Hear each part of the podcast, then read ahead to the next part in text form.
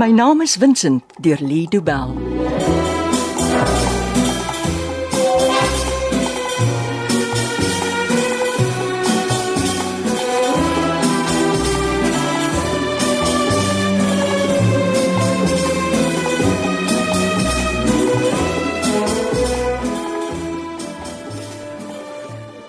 Ek het gedink Pietie kom saam. Ek sou hom nooit in so 'n plek toelaat nie. Ja, dis seker 'n goeie ding, ja. Hy sou hier sit en oopmond Oh. kou het. Maak nie saak hoeveel keer ek hom vra nie, hy vergeet elke keer en dan kou hy sy kos net so 'n vark. Nou ja. Uh, ek hoop nie hulle neem te lank met ons bestelling nie. Sommige seker so lank neem as wat dit vat.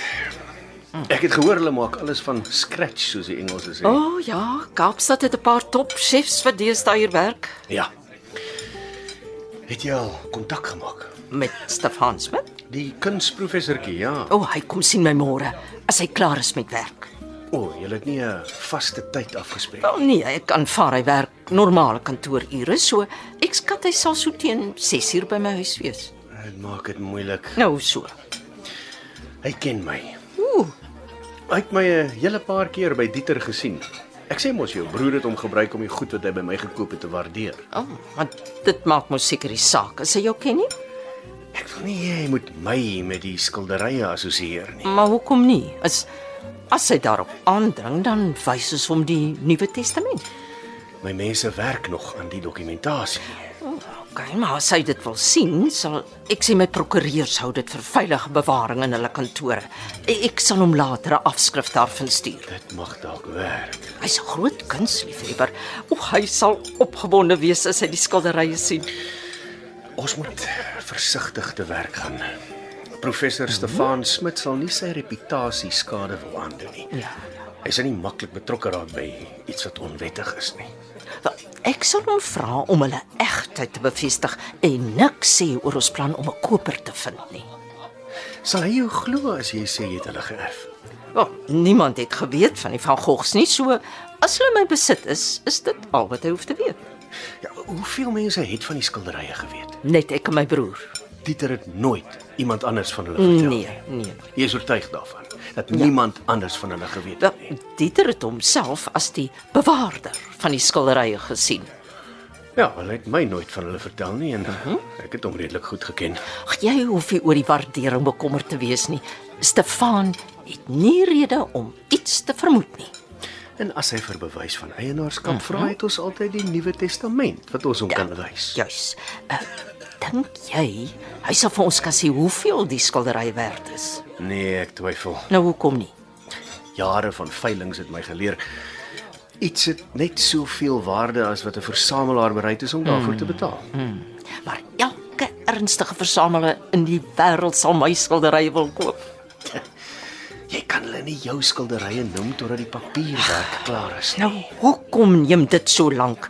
Dit kan tog nie so moeilik wees om 'n testament te vervals nie. Maar voor ons dit vir mense wys, moet die dokumentasie 100% reg wees. Niemand mag daaroor twyfel nie. Wel, het julle genoeg voorbeelde van Dieter se handtekening om dit te kan namaak? Meer as genoeg. Die handtekening is nie die probleem nie. Nou wat dan? Die papier moet reg wees, die ink en selfs die pen wat hulle gebruik moet die korrekte een wees. Is al hierdie nonsens regtig nodig? Is, is dit nie 'n bietjie oorbodig nie, Max? As jou testament betwis word, sal die dokumente noukeurig ondersoek word. Ag, ek twyfel of dit sal gebeur. Die van Gogh se letterlike fortuin werd. Nou, dis nie nodig om dit vir my te sê nie. Natuurlik verstaan ek wat hulle waarde is. Hulle sal vir meer geld verkoop as wat die twee van ons ons kan verbeel. En En dit beteken dat mense uit alle oorde jou eienaarskap sal bevraagteken. dink dink jy so? Daar's geen twyfel dat dit so sal gebeur nie. En ons moet daarop voorberei wees. Is dit hoekom jy so lank neem met die papiere? Ja. Wel.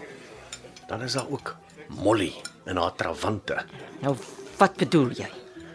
As ons die skilderye probeer verkoop, sal Molly 'n groot bohaai opskop. Jy weet ek is baie ongemaklik oor wat jy beplan om met Vincent te doen. Hy sal moet verdwyn. Ek het nie 'n ander opsie nie. Is jy seker? As ons uit die tronk uit wil bly, is dit wat moet gebeur. Ho hoekom s- sou ek tronk toe moet gaan? Susan, Jy het die skilderye uit die kluis verwyder. Die testament waaraan ons nou werk wat sê Dieter het die van Gogs aan jou bemaak, is 'n vervalsing. Wat dit maak nie van my 'n krimineel nie. Sonder jou is daar nie 'n kriminele saak nie. Daardie skilderye moes myne gewees het en nie my broer se nie. Dit dis nie regverdig nie. Moreel gesproke is ek die eienaar van die kunswerke en ek was dit nog altyd. Die tronk is vol mense wat sê iets het aan hulle behoort voordat hulle dit gesteel het. Ek het niks gesteel nie. Ek ek het eenvoudig gevat wat myne was. Dit help nie raak nou emosioneel nie. Maar ek ek's nie 'n slegte mens nie. Ek ook nie. Wel, juist die een wat van die arme privaatspeler ontslaaw wil raak as alles verby is. Kan jy aan 'n ander oplossing dink? Daar moet een wees. Max, jy kan nie mense net links en regs laat vermoor nie. Daardie tipe ding was nog altyd deel van my besigheidsplan. Besigheidsplan. Jy kan onmoontlik nie dit wat jy doen 'n besigheid noem nie. Al verskil tussen my en enige ander besigheid is dat ek nie dom genoeg is om belasting te betaal nie. Max, uh, kan kan ons nie maar asseblief net stop nie. Stop Gee die skilderye vir my. om wat mee te maak. Ek sal hulle op die een of ander manier weer terug in die kluiskamer kry. Is jy simpel? Ek is ernstig, Max. As ons nou ophou, kan alles teruggaan na hoe dit was. Wat jy vra is onmoontlik. Dis my skilderye, Max, en ek wil hulle terug hê. In die eerste plek, die van Gogs behoort aan Matilda, nie aan jou nie. O- Ons moet net asseblief ophou met die hele storie. Ek kan nie meer nie. My hart sal ingee. En in die tweede plek is ek al mens wat weet waar hulle is. Streng gesproke is ek dus die eienaar van die vuur van Gogs en niemand anders nie. asseblief, Max, ek, ek smeek jou. Kom ons staak dit waarmee ons besig is. Hoekom wil jy nou van plan verander? Ek ek, E, ek is moeg. Moeg. Ja. Wel, Ek ek is bang. Dit klink beter. Bang is 'n emosie en daarmee kan ons werk. Ek dink nie ek sal dit ooit gewoond raak nie. Wat? Die onsekerheid. Niks in hierdie lewe is seker nie, Susan. Jy het al lank genoeg gelewe om dit te verstaan. Maar ek ek wil nie die laaste jaar van my lewe in die gevangenis deurbring. Ek ook nie. As ons die geringste foutjie maak, is dit presies wat met ons gaan gebeur. Wel, dan moet ons behoorlik beplan. Ek stel voor ons werk aan wat môre gebeur met die professortjie se besoek. Ek het nie 'n keuse nie, het ek. Nee. So, professor Smit gaan na jou huis in Rondebos kom. Dis wat ons gereël het, ja. Sodra hy opdaag, gee jy my 'n mistkol. Hoekom? 5 minute later sal ek daar wees. En die skilderye Ek bring hulle saam. en dan Dan laat jy dit aan my oor wat wil jy doen? met die man onderhandel. Wat anders? Jy jy sal my seermaak of so iets nie, sal jy? Tensy hy my rede gee. Eh, Dink jy hy sal? Ek twyfel. Hy is self 'n versamelaar. Nou, dit beteken hy sal nie 'n probleem wees nie. Die mees onvoorspelbare mens is die een wat iets begeer.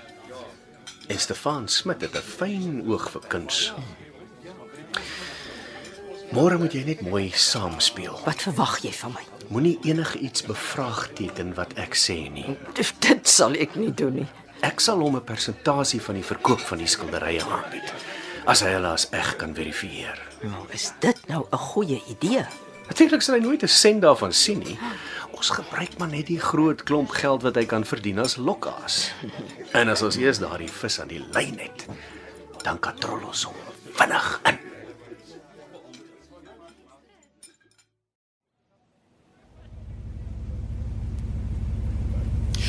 Teen môre aand weet ons hoeveel geld ons gaan maak. As alles vlot verloop. Ag, dit sal nie 'n probleem wees nie. Ons ken die professor al van Dieter se dae af. Dis wat my pla. Hoe bedoel jy, Max? Ek het gesien toe hy waardasies vir Dieter gedoen het, Wat het jy gesien? dat hy sy oog op een of twee van Dieter se kunswerke gehad het. Ek weet nie of ek hom kan vertrou nie. Hoekom nie? Hy's 'n versamelaar. En jy weet ek vertrou versamelaars glad nie. Sjoe, nou, met goeie rede, daai ouens speel rof. Ek weet nie of ons môre die van Gogs na Susan se huis toe moet vat nie. As hy hulle nie self sien nie, sal die professor nie kan sê of hulle reg is of nie, sal hy. Beslis nie. Dan moet ons hulle na huis toe vat. En ek weet ook nie of ek vir Susan kan vertrou nie. Het sy iets gesê? Sy raak 'n bietjie gespanne. Moet ek met haar praat? Nee, nee, nee, nee, nee, nee. As jy aan haar vat, sal sy dadelik polisie toe gaan. Het ons haar nodig? Jy het dan die paintings. Sonder haar is dit amper onmoontlik om die goed te verkoop. Nie as ons dit wettig wil doen nie. Dit hoef nie legit te wees nie. Ons het al baie goed so verkoop. Ja, as ek moet sal ek dit so doen, maar dit sal dan vir baie minder verkoop as wanneer ons dit op 'n behoorlike veiling kan doen. ons sal ekstra stoele moet kry as jy daai goed wil verkoop. Die veiling sal sal vol wees. Ek sal nooit sulke belangrike skilderye kan verkoop nie, man. Nee, nee, nee, nee. Ons sal hulle oorsee by een van die groot maatskappye op die markplaas. In Londen. So 'n plek, ja. Kyk. Die oomblik dat ons iets doen om hulle te probeer verkoop, sal Molly uitvind. Ek sal haar hanteer. Nee, jy sal nie, Pietie.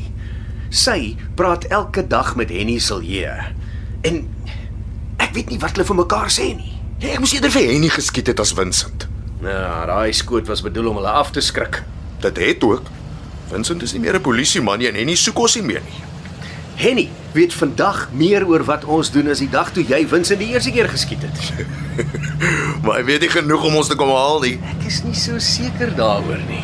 As hy iets geweet het, het hy lankal sy move gemaak. Hierdie keer sal Henny nie toelaat dat sy ouens weer 'n fout maak nie. As die polisie vir ons kom soek, beteken dit hulle het al die bewyse wat hulle benodig. Wat moet ons doen, Max? Om nie gearresteer te word nie. Ons verkoop die van Gogs. En dan? Dan het ons genoeg geld om vir die res van ons lewens uit die tronk te bly. My naam is Vincent deur Lido Bell word opgevoer deur Betty Kemp. Die tegniese versorging is deur Cassie Louers.